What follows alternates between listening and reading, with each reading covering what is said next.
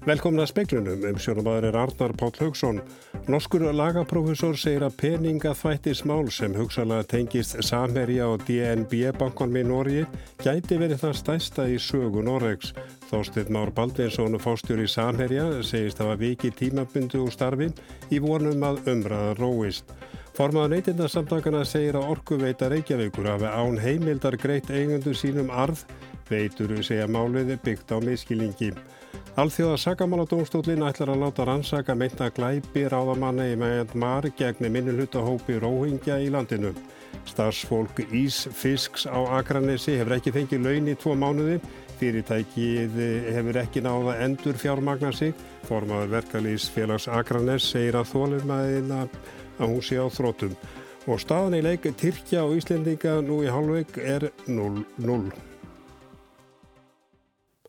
Norskur lagaprofessor segir að peningaþvættismál sem hugsanlega tengi Samherja og DNB-bankanum í Nóriði gæti verið það stæsta sem komið hefur upp í Nóriði.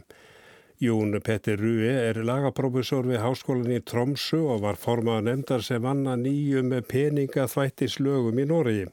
Rætt var við hann í norska vískittablaðinu dagins neringslíf. Í gögnum um samhærimáli hefur komið fram að stórar uppaðir fóru til aflandsfélaga á Marseljum frá DNB-bankanum og grunur gæti verið um peningaþvætti. Bankin er loka á þessa reikninga fyrir nokkru og hefur upplýst að máli síði skoðun. Jáframt hefur komið fram að Ökokrim, efnagarsprótalauruglöðin Norgi, er með málið á sínu borði. Rui segir í vitali við fréttastofuna að það sé að snemta fullir af nákvæmlega um umfang og eðli málsins. Það sé þó hægt að segja að þegar banki flýtur peninga yfir í skattaskjól kvíli skilda á bankanum að fara mjög varlega. Það sé vegna þess að skattaskjólinn séu meðal annars að notu til peningaþvættis. Í þessu dæmi séum að ræða háar uppæðir í langan tíma. Ef í ljós kemur að bankin hafi sínt vannræksli í málunum sé það refsivert. Hann segir í dagins neringslíf að þetta sé langstæsta mál sem komið hefur upp í Nóri í tengslu við peningaþvætti. Ja, det er det største beløpet som det har vært påstått at har vært knyttet til hvitvasking i Norgeshistorien. Ja, det stemmer da. Þetta er hægsta uppaðin sem fullir þegar verið að tengist peningaþvætti í sögu Noregs, segir Jón Petter Rui. Og meirum þetta málu Þorstein Már Baldvinsson, einna aðalegenda samherjað, segist að var viki tímabundu úr starfið fórstjóra fyrirtækisins þar sem honum hafi blöskrað umræðan um félagi eftir fréttaflutninga greiðslu með dótturfélag samherja til namibískra áhrifamanna. Hann vonast til að umræðan róist við það að hann viki tímabundið. Þetta segir hann í ítalugu vitali á fréttavefnum Vísi Hann segir skera ráð fyrir að samherji opni rekstrar yfirliti við starfseminna í Namibíum. Spurður um hvort greiðslur félagsins til namibískra ráðamanna til að fá kvóta hefur verið mútur, segir hann að það verða komið ljós og vísar til rannsóknar lögmannstofu fyrir samherja. Neytindarsamtökinn segja að orkuveitu Reykjavíkur hafi verið óheimilt að greiða eigundu sínum arð, arðgreislu frá árunnu 2014 nefnir tæpulega 15 miljardum krónan. Formaður neytindarsamtakana skorur á stjórnendur fyrirtækisins að endur greiða neytindum það sem þeim beri. Neytendasamtökin segja í tilkynningu á vef sínum að þau hafi leitað til samgöngu og sveitarstjórnaráðuneytisins og fengi þau svör að sveitarfélögum væri óheimilt að greiða sér arð úr rekstri vassveitna og að hugtakið fjármakskostnaður verði ekki tólkað með þeim hætti að það geti náði yfir áætlanan kostnað eða arðsemiskröfu sveitarfélaga. Breki Karlsson er formaður neytendasamtakana. Ef við lítum á orkuveitur Reykjavík þá er uppsafnaður hagnaður af rekstri vassveiturinnar þar tæpur 15 miljardar undanfærin ár. Breki segir að samtökinn hafi ekki tekið saman hversu mikið neytendur eigi mögulega inni hjá orkuveitunni. Það má leiða líkur að því að megin hluti þessa hagnaðar sé komin til vegna oftekinn svarskjalds og það er þá allavega stjórnenda orkuveitunar að svara því ef, ef, ef svo er ekki. Við skorum á stjórnendur orkuveitunar og stjórn að kanna þetta nú í þaula og endur greiða neytendum það sem neytendur ber. Þetta var Breiki Karlsson, Ásson Brynja Yngvarsdóttir talaði við hann. Og við þetta má bæta í tilkynningur á veitum kemur fram að fyrirtæki telji afstöðu samgöngu og sveitastjórnar áleiti sinns byggða á miskilningi, láti síði veðri vaka að argreislur orkuveitur aukjægur til sveitarfélagana sem eiga fyrirtæki síðan mestu vegna vassveitum. Það sé ránt. Hlutdeldi vassveitu í veldu samstæðu og er hafi árinu 2018 einungis nömi 6,9%. Alþjóða sakamáladómstólinni í Hag fól saksóknurum í dag að rannsaka ítarlega mynda glæpi stjórnvalda í Myanmar gegn róingjum í landinu. Yfir 700.000 hafast við í flótumannabúðum í nágrannaríkinu Bangladesh vegna ofsókna gegn þeim. Róingjar eru minni hlutahópur muslima í Myanmar. Ofsóknir hersins gegn þeim hófust árið 2017.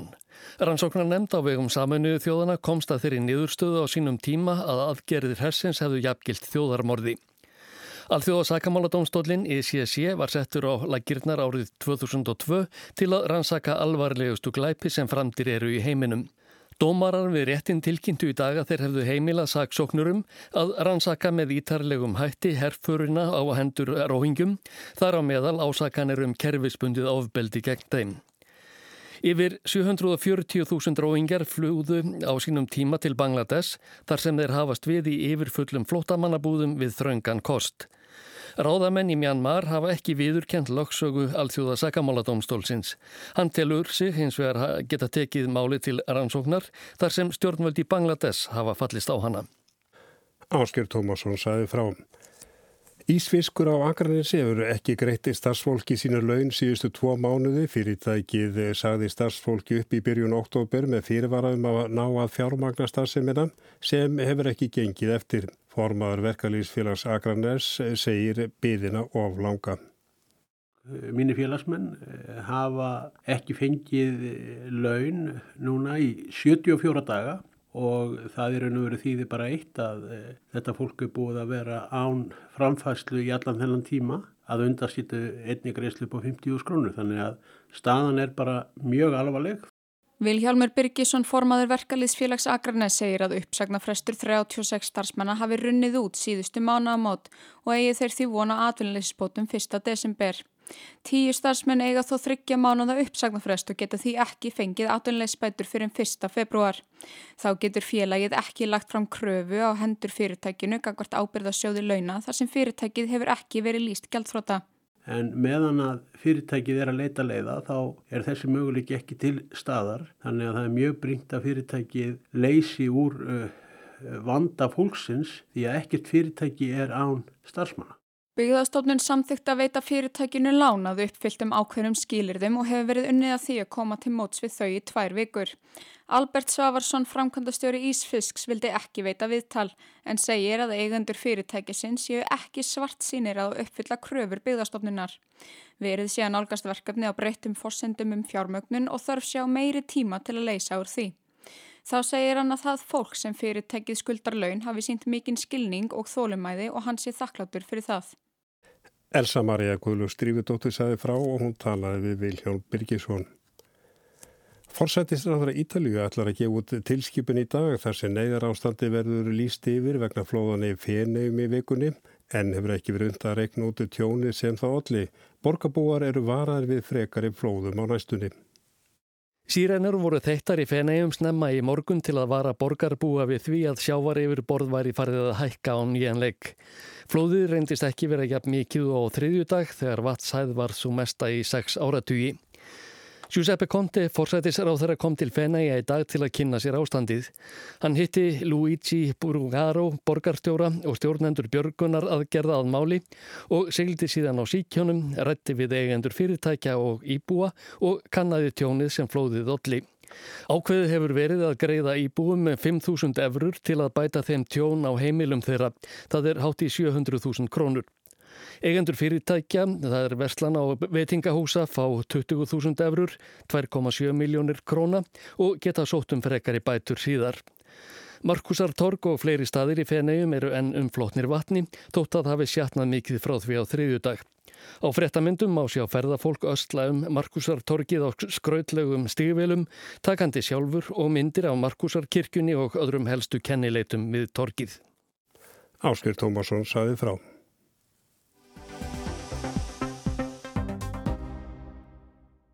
Íslandi tekur við formersku Norðurlandaráðs á næsta ári. Silja Dögg Gunnarsdóttir, þingmaður Framsónarflokksins, var kjörinn fósitir ásins fyrir árið 2020 á Norðurlandaráðsþingi sem haldi var í Stokkólmi í síðasta mánuði. Otni Harðardóttir samfélkingu var kjörinn varafósiti. Silja Dögg og Otni eru mættinga í speilin. Þeir eru velkonar. Takk fyrir. Takk. Og tilgangurinn eh, uppalega var að ræðum samfélagsöryggi sem eh, tilagar sem var lögð og samþygt eh, á Norrlanda ráðsþingi um daginn og verður áherslu aðtriði ykkar á næsta ári. En í ljósti þess hvernig mál hafa skipað síðustu daga komust við valla hjá því að byrja að ræða þessum samherjamálið og það voru umræður um málið á alþingi í dag bæði í spillingu og í fyrirspunatíma. Ótni formaður samfélkingarina sagði á alþingi í dag óttast að Ísland var að teiknast upp sem spillingar bæli í augum umheimsins. Skrifa þú undir svona fullinningu? Sko ásýndin sem, sem að, og svo mynd sem við erum að draga upp af okkur sjálfum er ekki beint fögur og ef við horfum bara tíu ár aftur í tíman eftir efnaðsrunnið svo koma Panama skjölinn, það það er þetta mál, það er gráilistin, þetta er mynd, ef þú, ef þú teiknar þetta upp og, og horfir á þetta utanfrá þá, er, þá hugsa menn, heyrðu býtu, það er nú eitthvað skrítið að gerast þarna á Íslandi, við skulum nú ekki trista þeim, þeir eru nú margir spiltir allavega. Þannig að, að ég óttast það eins og, eins og logi að það sé að dragast þarna upp ykkur mynd sem við viljum alls ekki að sé af okkur. Silja, hvað segir þú um þetta? Ég óttast svona alhafingar vegna þess að, og ég er ekki sammála þessu, uh, uh, miða við það sem að byrtist okkur í sjónvarpinu núna í hvað fyrra dag, þáttir þættinum kveik, að þá lítur þetta illa út hvað varðar fyr, einstakt fyrirtæki, samherja. Og ég tel að við þurfum að fara varlega í svona alhafingum, uh, fyrsta lagi eftir að rannsaka máli, þá eftir að dæma í þessu máli og alls ekki að, að tala um Ísland og öll íslensk fyrirtæki og, hérna, og draga alla einhvern veginn inn í, í þessa umræði en vissulega að þá erum við mjög meðvitt um það og það komið mitt fram í umræðum á alþingi í dag að margt hefur verið gert, sérstaklega síðustu tíu ár, hvað var þar að, að bæta lagaramma og eftirlit með uh, fjármála kerfinu og við erum ennþá á þeirri vegferð og ég tel að þeirri vegferð hún takja aldrei enda.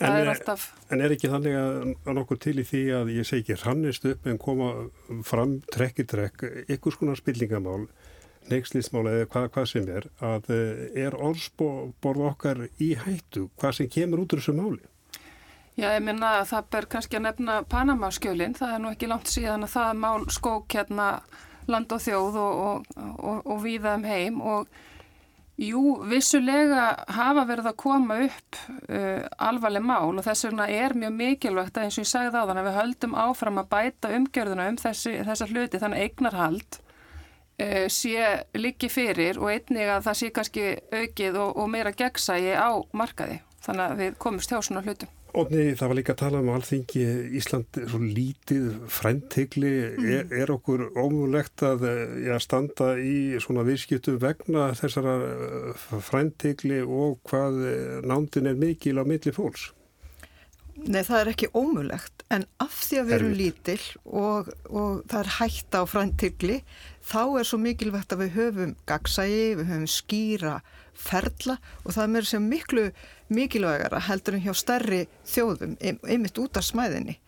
Hér fyrir hrun var talað um að það væri svo gott að vera lítil og, og menn væri svo fljóttir að taka á, hérna, ákvarðana, lifti bara upp síma og, og ringdi vinsinn og hlutirni gerðust. Þarna liggur spillingahættan. Þess vegna þurfum við að vera með gegnsæjar ferla og leggja enn frekar áherslu á slíkt vegna smæðar. En varðandi þetta mál sem við erum að tala um núna, sem er samherjamálið, þá þarf við auðvitað að rannsaka það. En, og hér hafa Panamaskjölinn verið nefnt.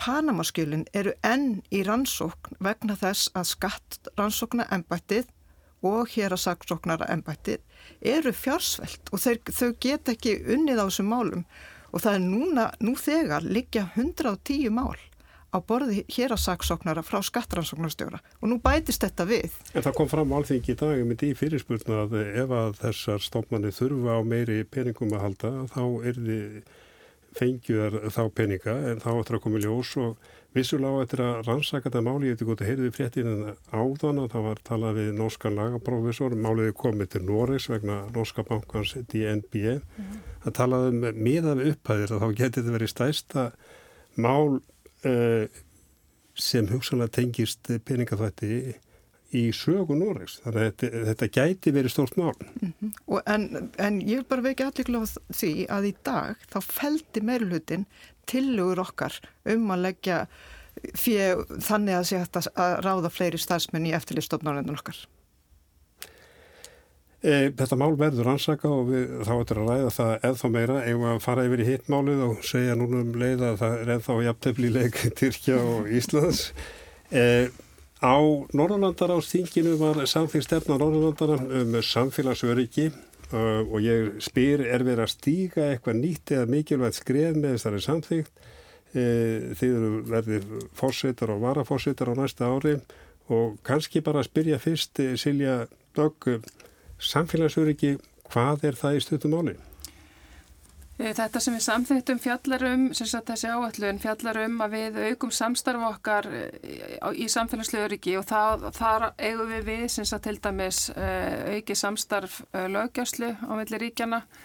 Þannig talaðum um samstarf á vettvangi net öryggis til dæmis Það er uh, aðkallandi og einnig hafa eh, átt sér stað núna undarferðin ár, eh, það hefur verið aukinn tíðin í skóaralda til dæmis þá hínu Norðurlöndunum þannig að menn tala um að, að slökkulegin hafi með sér meira samstarf þannig að við erum að tala um já, svona samstarf sem er þá afleðing oft nátturu hamfara og svona, já, netörygis okna fyrst og fremst kannski. Ótið, þú sast í nefndinni sem að vanna þessari tilu að gerði skýslu um, um þetta mál. Mm. Eh, þetta samstarf, er það ekki nú þegar fyrir hendi? Hva, hvað varðar Norðurlandar á þetta, þessi mál nákvæmlega? Uh, þannig er nú málvexti að alla kannanir sína það sem að gerðar hafa verið á Norðurlandum að, að Norðurlanda búið að vilja auki norrænt samstarf og þau setja samfélagsöryggi mjög ofalega á listanum yfir samstarfsverkefni. Og þess vegna voru við í fósatisnefnd Norðurlandar áspun að eh, fá til okkar gesti og sérfræðinga á þessu sviði og þeir sögðu allir við getum unni miklu betur saman, við getum náðu miklu betri árangri með því að deila þekkingu og deila tækjum og tólum en það vantar pólitíska fórustu og það var þess vegna sem að sem við settist niður til þess að, að draga það fram hvað það væri sem að Norðurlandar áður vill að ríkistjórnirnar geri og lögðum þarna áherslu á samfélagsöryggi og margt sem að ognar okkar öryggi, það eru loftlasvá, það eru það eru hriðiverk, það eru netárásir og, og hérna, farsóttir og, og gumavita hvað og við viljum og setjum það, þau, það fram í þessari skýslu auka samráð og þekkingamidlun vegna að saman eru við Norrlöndin sterkari hvað þetta verðar og eigum að hjálpa stað. Það eru tíjar frá því að Torvald Stoltenberg eh, gáð skýslu um eh, norrænt samstarf á sviði utaríkis og öryggismála, utaríkis og öryggismál, varnar og öryggismál hafa verið, verið fyrir utan eh, Norrlöndaráð Eh, já, hvað er nákvæmlega verið að tala um? Það er í skýslunni sérmanni bregða fyrir hér og uh, lauruglu, samstarf á mitti lauruglu. Já, erum við að tala um varnar og öryggismál eða er bara verið að tala um, eða bara stórslis og neyðar ástand og almannavarnir, Silja? Já, það er allavega minn skilningur á þessu og, hérna, og þetta er bara Að þú nefndir einmitt að, að auðaríkismál og varnamál hafa kannski ekki verið svona partur af uh, samstarfinu í Norðurlandaráði en, en landslægið er breykt og þá sérstaklega í tengslu við lofslagsbreytingarnar sem að, uh, já, e, e, hafa breykt mjög miklu í okkar umhverju núna einn síðust ár og munum mögulega aukast enn frekar og einnig þetta, þetta, þessi netauðríkismál og þau voru til dæmis ekkert svona kannski til umræði fyrir tíu árum síðan það Stoltenberg skrifaði sína skýslu þannig að nú verið, nú samþykti við í Norðurlandaráði, núna í loka óttuböru mitt að innun er þið ný skýsla sem að Björn Bjarnason hefur verið fenginn til að rita með þetta í huga. Og núna til dæmis á næsta ár eru fósittakostninganir í bandaríkjónum og það verður áhugavert að, að fylgjast með þessari þá umræðu samhliða um netöryggið og falskar upplýsingar og, og þessar upplýsinga óreiðu sem að, að okkar mati er raunveruleg hætta gagvart líðræðinu og það er náttúrulega þetta grunngildi sem við á Norðurlöndunum höldum mikið í heiðri, það er það sem átni nefndi, það er velferðin og það er líðræðið og það er þetta tröst og þess vegna erum við að fókusera mjög mikið og þess, þessa þætti í samfélagslega öryggi. Ótni, það, það er eh, fjallaðu marga hluti í þessari skýslu mm. sem allar ég, sem ég las að, að, og þó að þessi stefna hafi verið samþygt að, að eh, þá allir þeir leikja áslá á þetta á næsta ári en það er samt mikið óunnið. Verður nokkuð úr þessu? Við ætlum að íta eftir því, það er alveg rétt, það er margt óunnið en við erum samt að reyna að gefa skýr skil, skilabóð og það er svo margt sem að ognar samfélögum okkar annað en stríðs átök og, og við þurfum að vinna saman með lauruglan á að vinna saman á almannavarnir og sérfræðingar á, á, á sviði neturugis e, og, vi, og við leggjum áherslu á það í þessari skýslu að, að við gerum ekkert sem að sem að strengir að okkur, okkar frjálsu samfélögum. Og við viljum ekki gera neitt sem að rýri tröstamilli manna sem hefur verið svona svolítið aðalsmerki okkar Norðurlanda búa og, en nágrannar og frændur uh, vinna saman og styðja hver annan í, í þegar að hérna, hættastæðir að. Og það er hugsunin að við stöndum vörð um norrannu gildin uh, vinnum saman, deilum þekkingu og tólum þegar að þegar eitthvað kemur upp á. Við, við eigum hér á hættu eldgós og jarskjálta sem að hinn Norðurlöndin eru ekki að glíma við. Þau geta glímt við og hafa glímt við skóarelda til dæmis eh, en við myndum, myndum öll hjálpast að hvað þetta varðar. Silja, ég eh, spurðu þú kannski svaraði ekki, er verið að stíða ykkur ný skref, er verið að færa sig meiri átt að yfir utaríkismálanum? Já, ég held að svari sér já við því og það er alveg meðvituð ákverðin og, og Norðurlanda ráð hefur samþýtt líka ákveðna stefnu hvað var þar alþjóðlegt samstarf og það er til dæmis uh, áhersla á auki samstarf með Eistrasaltsríkjónum. Við höfum átti mjög góðu samstarfi við þau og þau fulltrúar þeirra að koma til dæmis á Þing Norðurlandaráðs og einni fulltrúar Benelux-landana og svo eins og ég segi bara kalla þessa nýju ógnir neturrikisóknir þá og, og þessu upplýsingu óreiða og svo aftur lofslagsbreytingar og náttúruhanfari kjálfar þeirra. Það er kalla á auki samstarf þess, þessum vettvangi og einnig bara þessar breytingar sem er að verða bara þessari nýja polarisering á bara stjórnmálum í heiminum. Við erum að fást við mjög breytt landslag frá því sem að var til dæmis bara fyrir tíu árum síðan sem er nú ekki langur tími í stóra saminginu sko sjáum hvernig þessu framvindur. Við verðum því miður að ljúka þessu núna. Silja Döggunarstóttir og Otni Haraldóttir, þakka ykkur kærlega fyrir. Takk svo með leis. Takk svo með leis.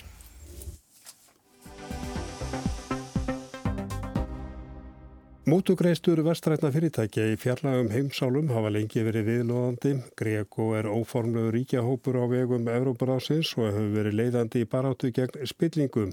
Lagarammin gegn spillingu empatismanna hvort sem er heima eða heiman er því viðast svipar eða svo sami í Evrópu og þá einni á Íslandi. Umfjöldun kveiksum um svifu samherri í Namibíu vekja spurningar um íslensk lög og einnig um áhrifu mútugreisna almennt. Það eru margar sögur um hvernig Evrósk stórfyrirtæki sköffuðu sér samninga í fjarlægum löndum á árum áður með mútum. Fyrirtæki sem hefði ekki komist upp með mútugreðstur heima fyrir gáttu starfað erlendis með mútum. Í Breðlandi er málið tengt vopnasölu BAE í miðaustulöndum frægt rannsókn reyndar stöðvuð á því í tíðstjórnaverkamannflokksins og Tony Blair. Á tíunda áratug síðustu aldar var viða viðleitni innan alþjóðastofnana eins og Saminuð þjóðana, OECD og Alþjóðabankans að komast fyrir þennan vanda. Upp úr því spratt samstarf 1998 kallað Greco innan Európuráðsins. Öllum löndum stendur til bóða að verða aðilarað Greco, nú 48 Európulönd og svo Bandaríkin.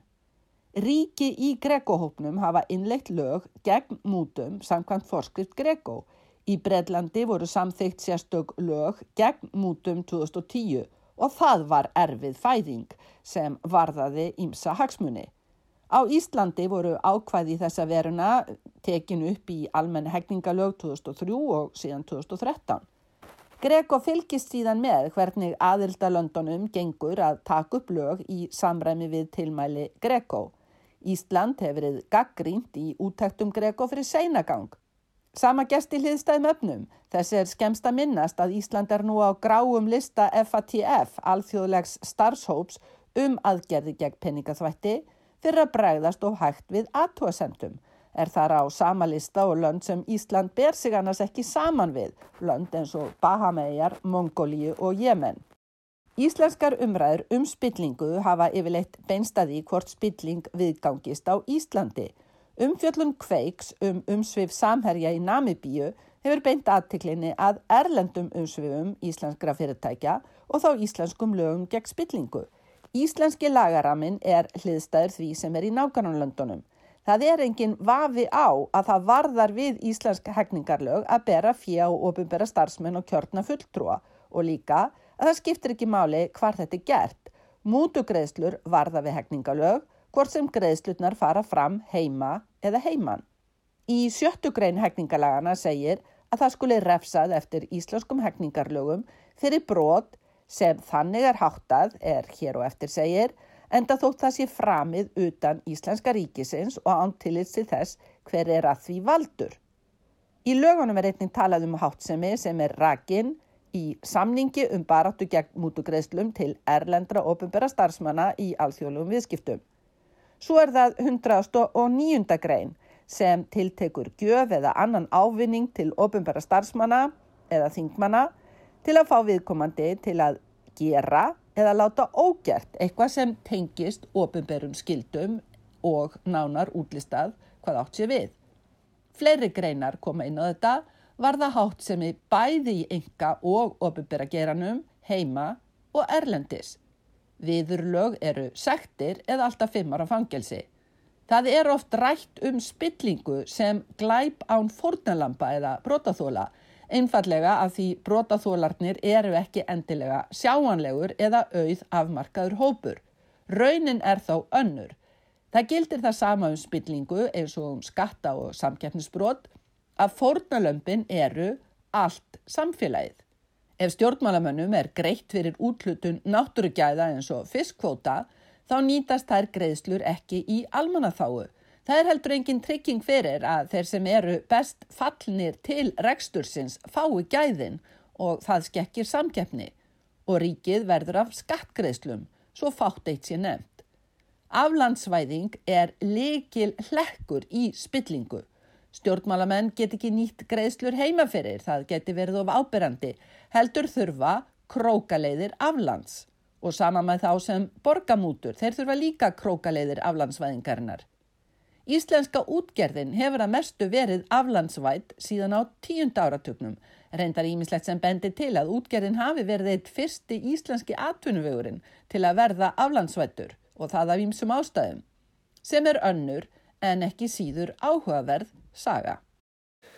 Sigrun Davíðsdóttir saði frá og það var helst í speklingum í kvöld að norsku lagaprofessor segir að peninga þvættismál sem hugsalega tengi Samherja og DNB bankanum í Nóri gæti verið það stæsta í sögu Noregs.